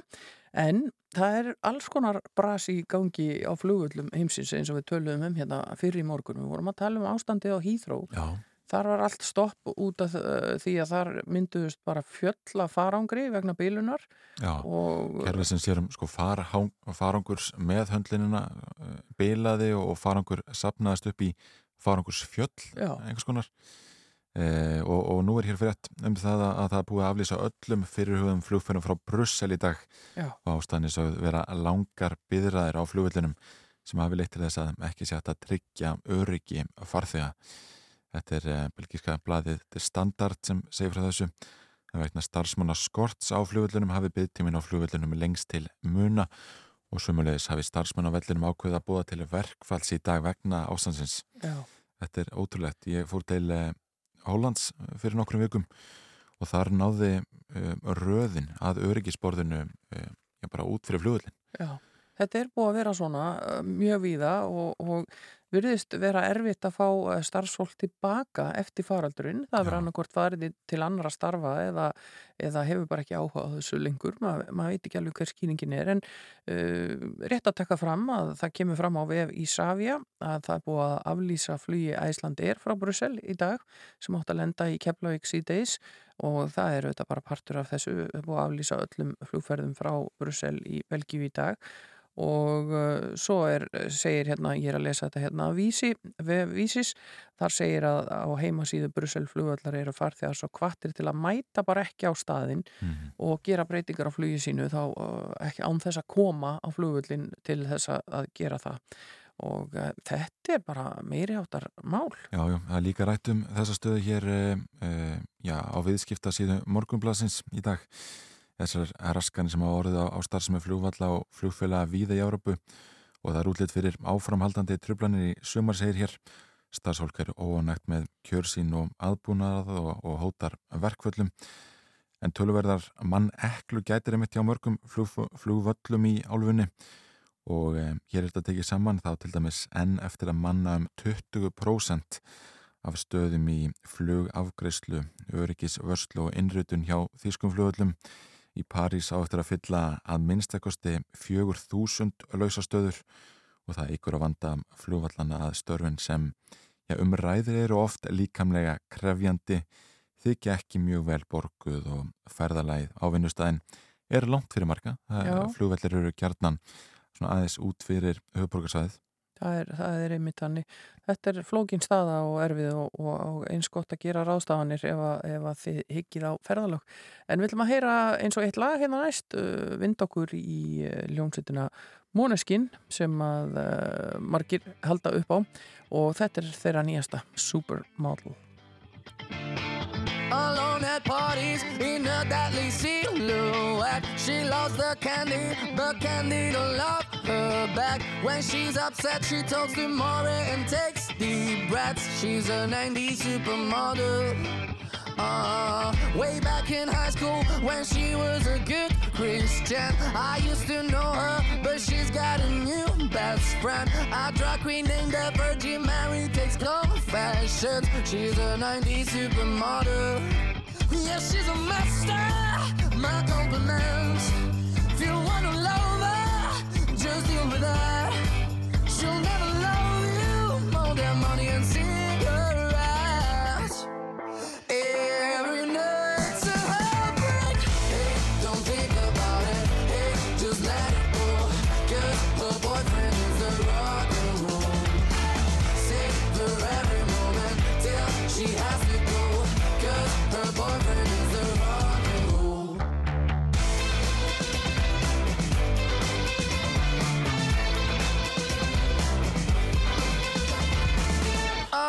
parties. She's working around the clock. When you're not looking, she's stealing your bossy out. Low waisted pants on OnlyFans. I'd pay for that. She's a 90s supermodel. Yeah, she's a monster. My compliments. If you wanna love her,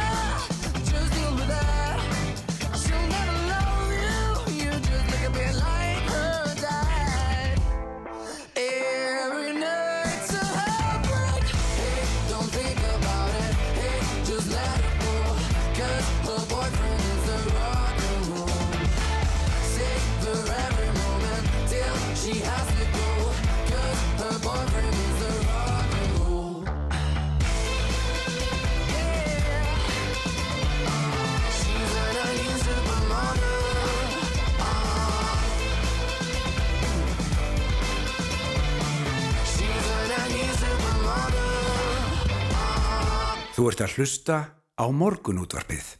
Jú, það er mikið, Rás 2. nákvæmlega, það er mikið í gangi við 11 árnar e, í morgunsárið en það er hefur verið því að, að Reykjavíkingur ásins rennir fyrir lags í ánum og, og það er engin breyting þar á en nú. Þetta var tilgengt núna í morgun, hverju væru Reykjavíkingar ásins? Já, Það er Kamila Valjadjevska og Marko Pizzolotto. Þau voru útnefnd Reykjavíkingar ásins og þau standa fyrir svo kvöldum frískápi með bara Reykjavíkur. já, alveg frábært framtak. Já, já, þar getur, eh, já, markmið er svona að draga úr matar og byggja upp sterkara samfélagi kringu það að deila umfram mat í gegnum frís skápa. Þetta er þarna fyrir utan húsnæði eh, Andrýmis við Bergþóra götu 20 í kassaðmitt sem byggður var úr afgangstimbri og þetta megi allir nýta sér og, og hérna, já, það getur verið erfitt að áalla magnaða mat sem verið í gegnum frískápin en hann er fylltur og temdur dælega. Já, það er um að gera að nýta sér þetta ef eigið aðganga og eh, sem að geta nýst öðrum. Við viljum að heyra hér lag sem að uh, ég átti svakalega endur komu á dögunum. Þetta er Kate Bush og Running Up That Hill og svo er það frétta yfir lit klukkan halv og svo höldum við áfram.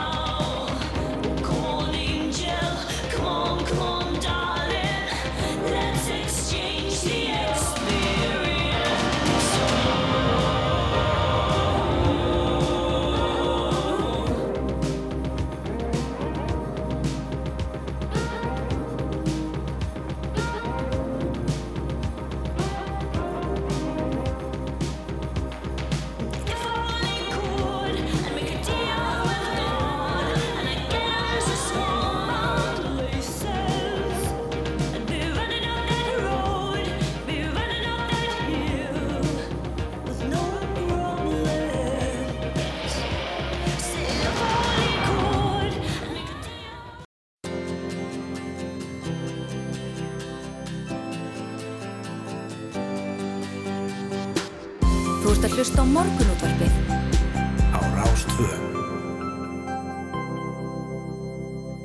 Já, áfram höldum við hér í morgun útarpinu og eh, ég var búin að segja ykkur það að við ætluðum að tala um ímislegt skemmtilegt í dag. Meðal annars kanínur, það eru nú kannski ekki á dasgrau hjá okkur á, á hverjum degi en ástæðan fyrir því að við ætlum að, að ræða þær er að, að nú er uh, farið í gang eða aðfari í gang uh, tilraunaverkefni sem er hugsað til bjargar kanínunum í Elliðárdalnum. Við þekkjum þær nú vel, ég Jú, jú. lappa nú mikið hann í dalnum og, og, og það er ekki óalgengt að hitta fyrir kanínur og sem staðar í hópum og það er búið að veiða 62 kanínur í dalnum og uh, þær eru komnar í tímabundi skjól. Markmiðið er hins vegar að finna góð heimili fyrir þær allar og þær eru komnar til okkar. Greta Sólei Siguradóttir sem er verkefnastjóri og sjálfbóðaliði hjá Dýrahjálp Íslands og Villikaninum og Júlia Fanney Jóhannesdóttir sem er formaða Villikanína. Velkomnar. Takk fyrir það. Uh, þið meginn koma aðeins nær hljónum honum svona hérna svo ég fjárstýri hérna líka uh, þetta verkefni sko, einhverjir getur spurt bara sem eru þarna úti þarf að bjarga kaninum sem eru bara í, í góðum gýr út í skói Hver segir að þessi góðum gýr? Nei, það, sko fyrir okkur leikmennina Já. einhvern veginn, margir getur haldið að þeim liði bara vel svona frjálsum en, en þetta er hörð lífsbaráta Já, og við erum bara búin að sjá það síðustliðin tvö ár. Þetta er eiginlega bara kemur manna óvart. Já. Hvernig er lífið í, í skóginum fyrir þessar kannur? Sko, þegar þú kemur bara þarna með fjölskyldinni að gefa þeim að borða þá lítur þetta allt vel út. Já. En það er ekki fyrir en þú ferð virkilega að skoða þegar þú sérð hvað er í gangi. Mm. Já. Öll þessi veikindi, hvað randinni gera, hrafnandi gera. Já, það hafa einmitt komið upp uh, veikindi í kanínustofnunum það núti og, og þurft, að, þurft að eiga við það. En það er búið að veiða þessar kanínur, uh, 62 stykki er það ekki, uh, það má ekki hver sem er veiða kanínur, það, það er líka það, það þarf leiði til að gera þetta. Já, þú sem sagt, við erum með lefi frá mast til þess að gera þetta því að þú mátt ekki veiða vildir Nei, nema með undan þá til þess að gera það já, sem að við eða þær hjá villukaninum sóttu upphaflega þegar þær stopnu sagt, fyr, hérna, stopnu félagi sitt já. Og, og hvernig veiður þú kannu? Ok, það er alveg mission. Þetta er, þetta er ekki alveg, þetta er mikil þólimæðisvinn allavega Já. það hérna En e- þetta, sko 62 kanínur, er það þá bara megin þorrin af kanínunum sem hafa verið þarna eða? Er búið að ná að reynsa þetta upp að ykkur leiti það? Sko síðastlegin tvö ár þá hefur villikanninu náð um, við höfum ekki náð að taka inn bilinu 50 til 100 Já. kannur. Já, þannig að þetta er tölveru fjöldi og villikaninur eru félagskapur, sko, við höfum oft heyrt talað um villiketti, það er svona miklu meiri umræð um það. Ég vissi ekki eins og það væri til félag sem hindi villikaninur og væri um, um að berga þeim. Er það búið að starfa lengi? Sko við stopnum félagi fyrir um tveimur árum þegar að þessi veira kom í allir á dalinn Mm -hmm. og voru það nokkra stelpur sem, eða konur sem ákveða að taka saman höndum og reyna að hjálpa þeim að því að þetta var nú frekar skætt og ljótt Mhm. og út frá því þá náttúrulega áttu við okkur áttu við okkur á því að við þyrstum eiginlega einhvern veginn að stopna félag til þess að halda utanum allt sem við værum að gera Mhm. og við náttúrulega lítum rosa mikið upp til bæði dýra hjálp og villikisa þannig að það að einhvern veginn við sóttum þeirra þekkingu Mhm. og vorum í samskiptum við þau varðandi bara ímsa hluti Mhm. að þá kom þetta nafn fram við villikænunur jáfnvel þó við köllum það líka bara vergangskænunur Já. af því að það eru enga stund að koma sér fyrir sko. Já. En hvernig gæludýr eru kanínur? Af því þið, það markmið eru auðvitað að finna góð heimili fyrir þær. eh, Sko, hvernig er að eiga kanínu? Hvað þarf maður að hafa fyrir þær og hvað, hvað aðstöðu og, og, og hvernig gæludýr eru þær? Já. Sko, það er náttúrulega í fyrsta lagi stór skemmtilega dýr. Já. Mhm. Ég held aldrei ég er einhver kaninu kona, sko. en það er bara, mér fannst þau, þú veist, ég horfði á þau bara, "Ugh, þetta eru eitthvað rosalega og persónulega laus dýr eitthvað, bara, ó, kanínur. Þau eru stórfindin, sko. Já. Og mjög mikill karakter í Já. þeim.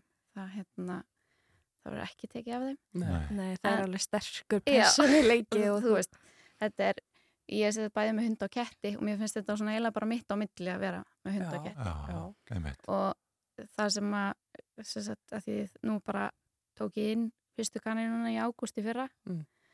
og þá þurfti ég bara að læra allt og það sem kom mér mest á óvart var að þú veist, þær drekka til dæmis ekki vassbrúsum þessum Já. klassísku vassbrúsum sem Já. alltaf seldir Já, já. þær drekka bara vatn úr skálum Já. Er bara, og að þessi uh, hefðbundu kanínubúr sem er seldi gældir að búðum, að þau bara henda alls ekki þetta er alltaf lítið pláss fyrir kanínunar Já. og það er bara langt best að vera með bara svona eins og kvolpagerði gefa þeim bara gott pláss Já. að því þær verða að geta hreift sér svolítið og svona. Þegar við tölum um gott heimili fyrir kaninu þá þarf alltaf einhvað ágætt útisvæði líka eða hvernig það? Nei, ekki endilega Getur þú verið með kanínur eh, til dæmis bara út á svölum? Þú, sko það er langt best að hafa þær inni Mm. það er hérna að því þær eru mikla félagsverur Já. þannig að þeim finnst þú svo gott að vera Já. með fólkinu sínu Já. Ég Þannig- hleypi einu mínum út á daginn oft bara út í garð og fylgjast með honum. Mhm. Já. Þá fær hann útrás og þá er hann ekki að næða skóna mín. En Já, þú veist þannig að það er alltaf að hleypa múnd en langt best að hafa þú veist, að það eru búi inni Já, en, en svona, svona praktísk atriði, ég meina, einhver staðar þurfa þær að að pissa og kúka. Já, það, Ganga þær, getur maður látið þær ganga lausar um húsnaðið sitt eða, eða þurfa þær að vera þá bara í búri þegar þær eru inni?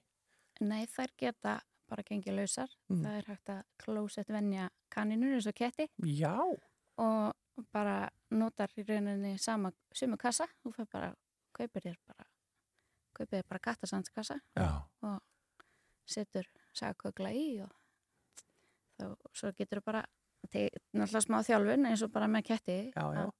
að, að það, húsvenja en það er bara já, þetta eru klárar skepnur. Þetta er mjög klára skemmnir, Já. stundum Mjög of gáfaðar. maður er stundum alveg komin í vandraði hvað þeir eru klárar sko. alveg En, en það er náttúrulega indislegt að að- að ábyggilega mjög svona mannbætandi að halda á kanínum og klappa þeim og þeir eru ljóta að gefa svona frá sér góða nærveru. það er rosa svona gott. hafa góða nærveru. Já, en það er líka eitt að það er ekki rosa marga kaninu sem vilja láta halda á sér Nei. þær eru flóta dýr Já. þannig að þeim líður ekki mjög vel í fangi af því að það ertu búin að taka flotta leiðin af þeim Já. Mm. en uh, þú veist það, mér finnst það ekkit endilega þú veist, slæmt Nei. ég get þú veist oft bara setið með þeim og klappa þeim helli þú veist þær eru alveg kelnar þó þær vilja ekki láta halda á sér Já, en það eru góðum félagskapur Mjög og það er nú það sem að margir er að sækja í þegar kemur að gæludýrum. Við sáum það í COVID hvað var mikil aukning í gæludýraeign þegar fólk var svona mikið eitt Ja. og, og þannig kannski komið tækifæri fyrir fólk sem hefur verið að velta fyrir sér að fá sér gæludýr að skoða þennan möguleika. Þetta, Já. þetta getur verið gott val. Við náttúrulega bjóðum upp á það að fóstra Mhm. til þess að þú lærir eða bara fáir að kynnast þessu. Hvernig er að eiga kannu? Við erum alltaf til taks bara fyrir alla sem vilja hafa samband og eru með spurningar. Já. Og hvert á fólk að snúa sér í, í þessu ferli, einhverju sem eru kannski að hlusta á okkur núna og væru til í að skoða þennan möguleika. Hvernig virkar þetta í, í verkefninu?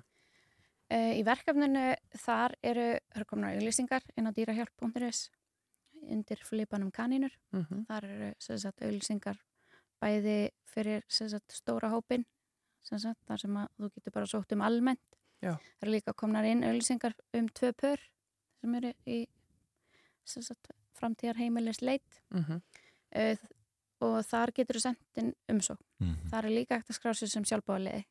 Já, Það eru já. auðlýsing fyrir það. Þú, þú talar um tvö pör, það er þá Já. par sem flyttur inn á heimilið. Par, sagt, já. Af því að þær eru félagsdýr, Já. þannig að það hérna, þær fara tvær og tvær saman frá okkur nema ef það er önnur kanin á heimilinu. Já. En hvernig Þá- eru kanínur með öðrum gæludýrum? Gengur það upp? Það gengur allavega upp heima hjá mér. Já, heima hjá mér líka. Ég er bara ef ég geti sínt ykkur alla myndirna sem ég á kaninu minni og kissinu minni að kúra. Ó, Já. það Ég- ljóma vel. Ég er með ágætlega stóran hund. Hún er labrótur íslensk blanda. Já. Og hún er mjög fúl að fá ekki að leika við þær. Já. og hérna og sem sagt ein kanina sem er hjá mér og, og yngsti kötturinn minn, hann er 11 mánu að þau eru svo miklu prakkarar sko, þau eru alltaf, ef þau komast saman þá eru þau alltaf að brasa eitthvað sko. En það þarf náttúrulega bara alltaf að passa þau eru Já, aldrei já. skilin eftir Já, ein já, já. Nei, ég menna það þarf að venja saman þessi gæludýr eins og bara tvo kettið eða kött og hund eða allt þetta. Uh, kostar eitthvað að fá þessar kanínur í verkefninu? Eh, Það kostar ekki að fá kaninnar á verkefninu. Það hérna, þetta er í rauninni bara útlæðu kostnar fyrir okkur. Já. Og en við þykjum auðvitað alltaf styrki bæði villikaninu og dýrahjálp og þú veist fyrir sérstaklega fyrir verkefni líka Já. en það kostar heldur ekkert að fóstra nema að þá við getum við skaffað sagt, allt sem þarf og hérna ef að fólk tilbúið að sagt, opna heimilin sitt tímabundi fyrir kanninnar, þá er Já. það líka möguleiki og það er hægt að sækja um það líka í gegnum eins og auglýsingar, þá bara tekur fram að þú vilji fóstra Já. og það er ofta rosa góð leið til að byrja, þú veist Mm. eins og Júlía var að segja, ef þú vilt svona aðeins kynnast kanninunum betur og svona hvort þetta sé fyrir þig, Mhm. að þá er það rosa góðu möguleiki. Já, og þetta er alltaf að finna inn á dýrahjálp.is, allar upplýsingar og, og, og uh, við hvetjum fólk til að skoða það og það eru líka ímsar upplýsingar sem að uh, varða þetta mál og, og, og þið eru síðan bóðnar og búnar til þess að hjálpa fólki sem hefur áhuga að gera þetta já. með allar upplýsingar. Uh, áhugavert, uh, Greta Sólei Sigurðardóttir og uh, Júlía Fanny Jóhannesdóttir, takk fyrir að koma til okkar og, og segja okkur frá þessu uh, áhugaverða verkefni með kanínunar í allega átalunum. Takk hérlega fyrir að koma. Takk fyrir okkur.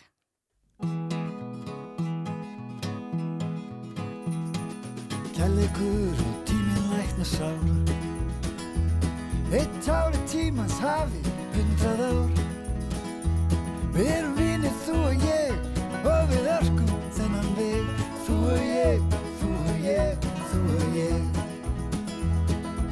Hamingjan er fyrir handan horn. Hún liggur þar og býður stund að korn. Og við röltum, þú og ég, öðru hvoru hennar veg. Þú og ég, þú og ég, þú og ég. Eitt er víst og yngu fær því breytt. Að þú og ég, við erum yfirleitt. Alveg eins og ver og ber, alveg sama hvernig fer. Þú og ég, þú og ég, þú og ég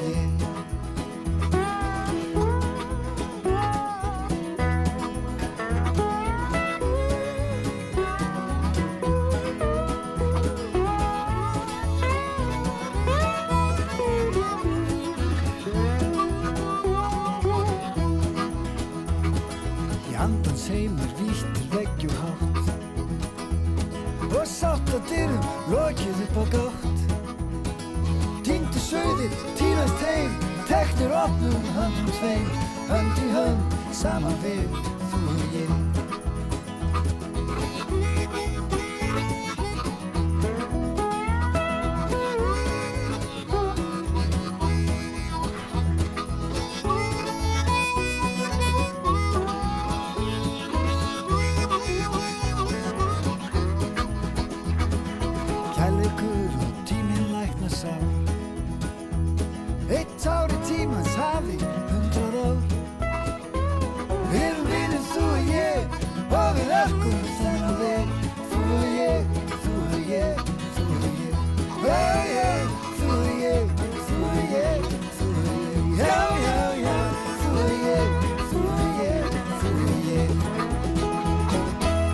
hlusta á morgunútvarpið á Rás 2. Jú, vissulega á mánudögum kíkjum við aðeins um uh, öxl, lítum um öxl yfir helgina og, og svona förum yfir já, eitthvað af tíðundum úr íþróttum. Það er eh, mikið að vera alltaf um helgar í íþróttunum og Gunnar Birgisson er komin til okkar til að spjalla þessu sportið. Velkomin. Takk fyrir það, takk fyrir það. Hva, hvað er svona það helsta? Uh, er ekki alltaf vinsælt uh, að byrja hérlendis áður en að við förum erlendis? Jú, ekki. Að hérna, kannski, fólk hefur mestan áhuga á því. Uh, það var nóg um að vera svo sem, svo sem í, í íslensku sporti, ef við, ef við tökum bara gerdaginn, að þá voru það Saga Traustadóttir og, og Sigurður Bjarki Blúmenstein sem eruðu Íslandsmeistarar í, í hólukeppni í golfi á hlýðavelli í Mósusbæ. Golfi náttúrulega svona búið að vera ört vaksandi sport á Íslandi og, og hérna, þá kannski svona mest hjá, hjá svona einhverjum áhuga kilvingum Mhm. en við eigum uh, orðið mm, mikið magna af, af góðum kilvingum sem eru að gera það vel erlendis og því kannski vantaði svona uh, nokkuð sterk kort í, í þessa keppni. Já, ég verð að stoppa aðeins núna að ég hef ekkert vita golf, ég hef aldrei farið í golf. Þú ert að spá, eitthvað hólukeppni Já, já, ég hef aldrei skilið að það er svona eitthvað mismunandi típur af þessu, Mhm. ég held bara að maður færi að út og bara markmiðið væri að koma boltanum onni í þessum festum höggum. Já, það er í grunninn markmiði sko, Já. nema í þessu þá ert í raun og veru, þú veist, þetta er bara í raun og veru eins og ef við værum að keppa á, á móti hvort öðru sko. Já. og ég þurfti þá bara að koma boltanum ofan í færri höggum heldur en þú.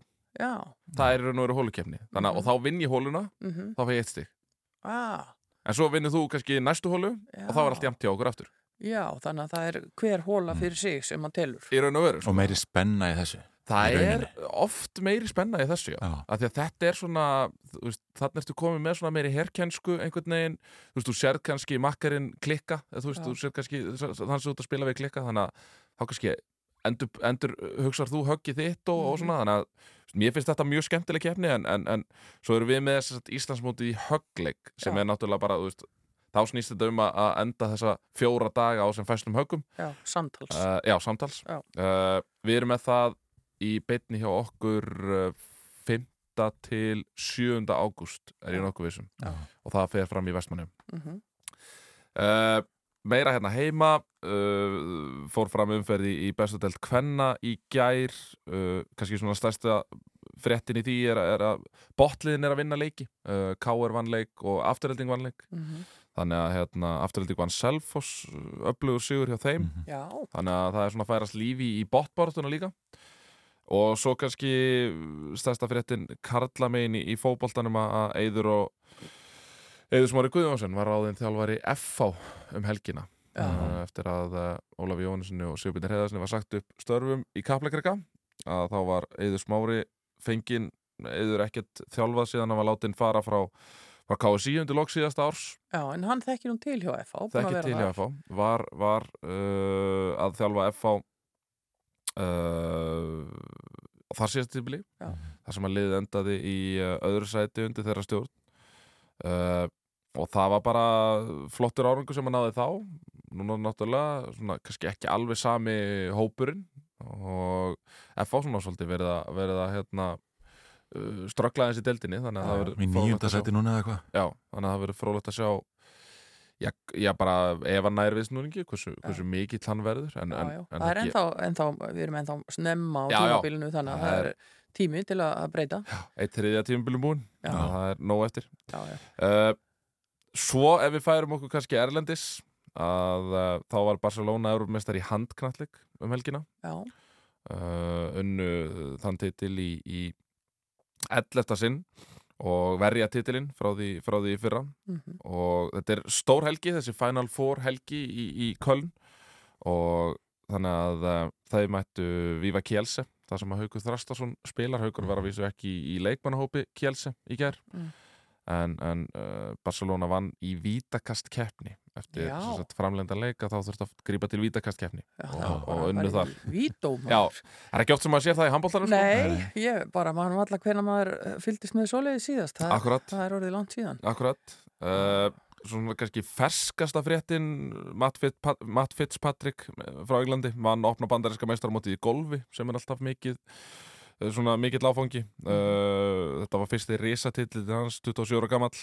Já, já. og hafði þið betur í, baratinu við Scotty Scheffler sem var- er efstur sagt, á, heims, á heimslistanum Já, og fengi nokkrar krónur í velun vandalega. Já, það eru, svona, það eru nokkra krónur og nokkru aurar sem þú færð fyrir að vinna golfmót Já, á til dags já, svona þessi stóru að minnstakosti, Já. það er alveg á, á reynu. Já.